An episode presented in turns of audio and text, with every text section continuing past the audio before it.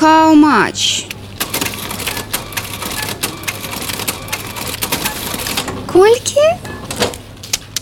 Вітаю вас з вами рубрика хау-матч у якой мы подводзім эканамічныя вынікі тыдня сёння мы паговорым про тое як залежнасць ад рассіі цягне беларускі рубель на дно і дзе беларускія ўлады хацелі здабыць сабе яшчэ крыху грошай заходнія санкцыі настолькі не працуюць што беларуская калійная галіна уже полтора года не можа ад іх акрыяць у мінулым годзе праз тое што літва закрыла для беларускіх угнаенняў порту клайпедзе Беларусь страціла 5 з паловай з 10 мільёнаў тонн свайго калійнага экспорту вазіць стала даўжэй вазіць стала даражэй. Пакуль кошты на ўгнаенні білі рэкорды гэта не мела прынцыповага значэння Беларусь стала вазіць угнаенні праз расійскія порты. Вырасшыя выдаткі на транспарціроўку можна было кампенсаваць за кошт звыш прыбыткаў ад высокага кошту але ўжо з гэтага году кошты на ўгнаенні пачалі падаць. Калі летась сярэдні кошт тоны калію даходзіў до 1200 долараў дык у чэрвені ён упаў до 328 у ліпені і жніўні цены крыху выраслі але ў верасні зноў пачалі зніжацца кошты падаюць маржа памяншаецца. І гэтая маржа якая моцна упала уже не можа кампенсаваць выдаткі на лагістыку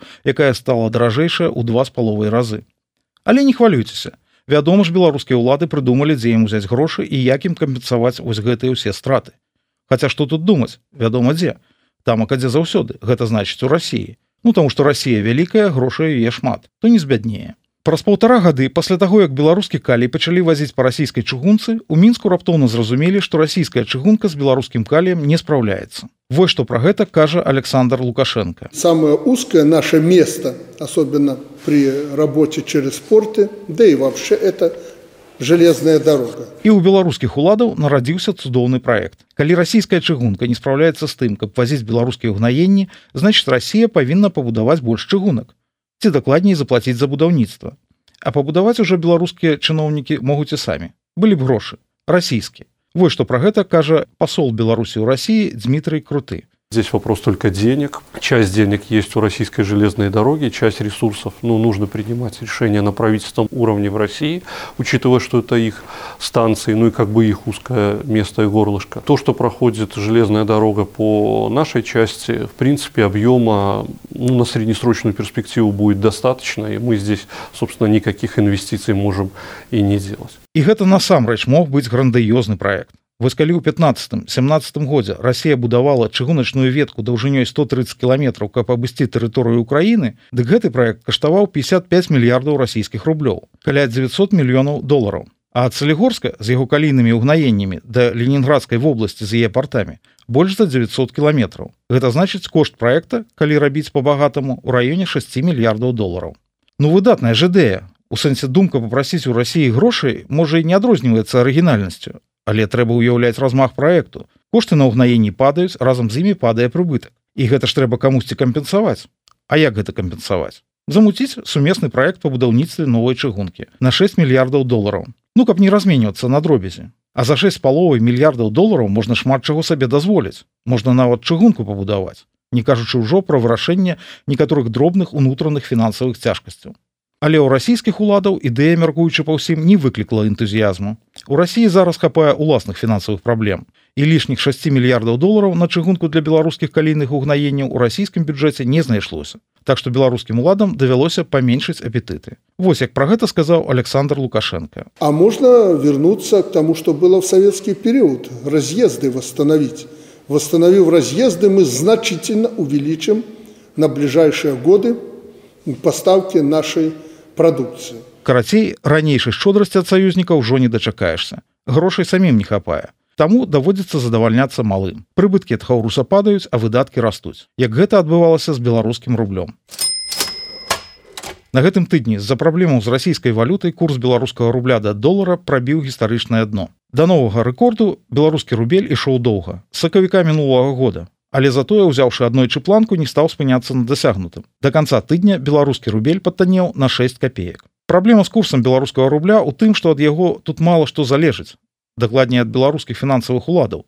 Беларускі рубель занадта цесна звязаў свой лёс з расійскай валюты на пачатак года доля рассіі ў беларускім экспорце складала 60соткаў цяпер ужо 65 до конца года чакаецца што яна вырасце до 70 Таму калі расійскі рубель падае, то беларускам рублю не застаецца нічога іншага, як падаць разам з ім. І таму ў Мску насамрэч мала што могуць з гэтым зрабіць.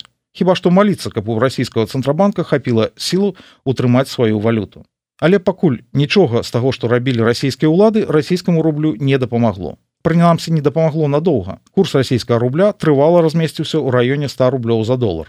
Каб спыніць падзенне у расійскім урадзе нават загаварылі пра ўвядзенне фактычна двух курсаў аднаго для ўнутранага і іншага для вонкавага ўжывання. У расійскіх банкаўскіх колах праўда да гэтай ідэі паставіліся скептычна. Кіраўнік втб андрей косцін напрыклад лічыць што калі гэта зрабіць то будзе два курса долара 150 і 250 расійскіх рублёў. Расійскія ўлады могуць яшчэ раз падвысіць ключавую стаўку увесці пошліны на імпарце абмежаванні на рух капіталу. Але глобальна ад гэтага нічога не зменіцца бо глобальная праблема ў тым што попыт на імпорт расце а прыток валюты ў краіну за ім не паспявае. І беларуская сітуацыя тут нічым не адрозніваецца. Дакладней адрозніваецца але ў горшы бок. Вось у беларусі таксама попыт на імпорт расце. Прафіцыт знешняга гандлю за 7 месяцаў змяніўся дэфіцытам і склаў 100 мільёнаў долараў. Толькі пры гэтым беларускі рубель яшчэ і тотальна залежыць ад курса расійскага рубля. А расійскі рубель стаў вельмі капрызным расійскі рубель хутчэй за ўсё і далей збіраецца сабе падаць а беларускі рубель адпаведна будзе падаць разам з ім але праблема беларускага рубля яшчэ і ў тым што ён падае надта марутна трэба хутчэй беларускі рубель занадта моцны адносна расійскага рубля з пачатку года беларускі рубель умацаваўся на 12соткаў а гэта ўжо падрывае пазіцыі беларускага экспарту. Бо чым даражэйшы беларускі рубель да расійскага тым даражэйшы беларускі экспорт у рассіі каб аднавіць статус-кво на расійскім рынку беларускаму рублю трэба гэтыя 12соткаў страціць. Гэта значыць ён павінен апусціцца да прыкладна трох сямі трох восьмі рублёў за долар. Пры ўсім багаце выбару з альтэрнатывамі у беларускага нацбанка не густа. Можна пакінуць усё як ёсць і дапамагаць экспарцёрам падлічваць страты. А можна дэвальваваць беларускі рубель каб ён дагнаў расійскі. Тады экспорту зноў будзе добра. Але стане дрэнна фінансавай стабільнасці. На гэтым усё з вами была рубрика хау матч пачуемся на наступным тыдні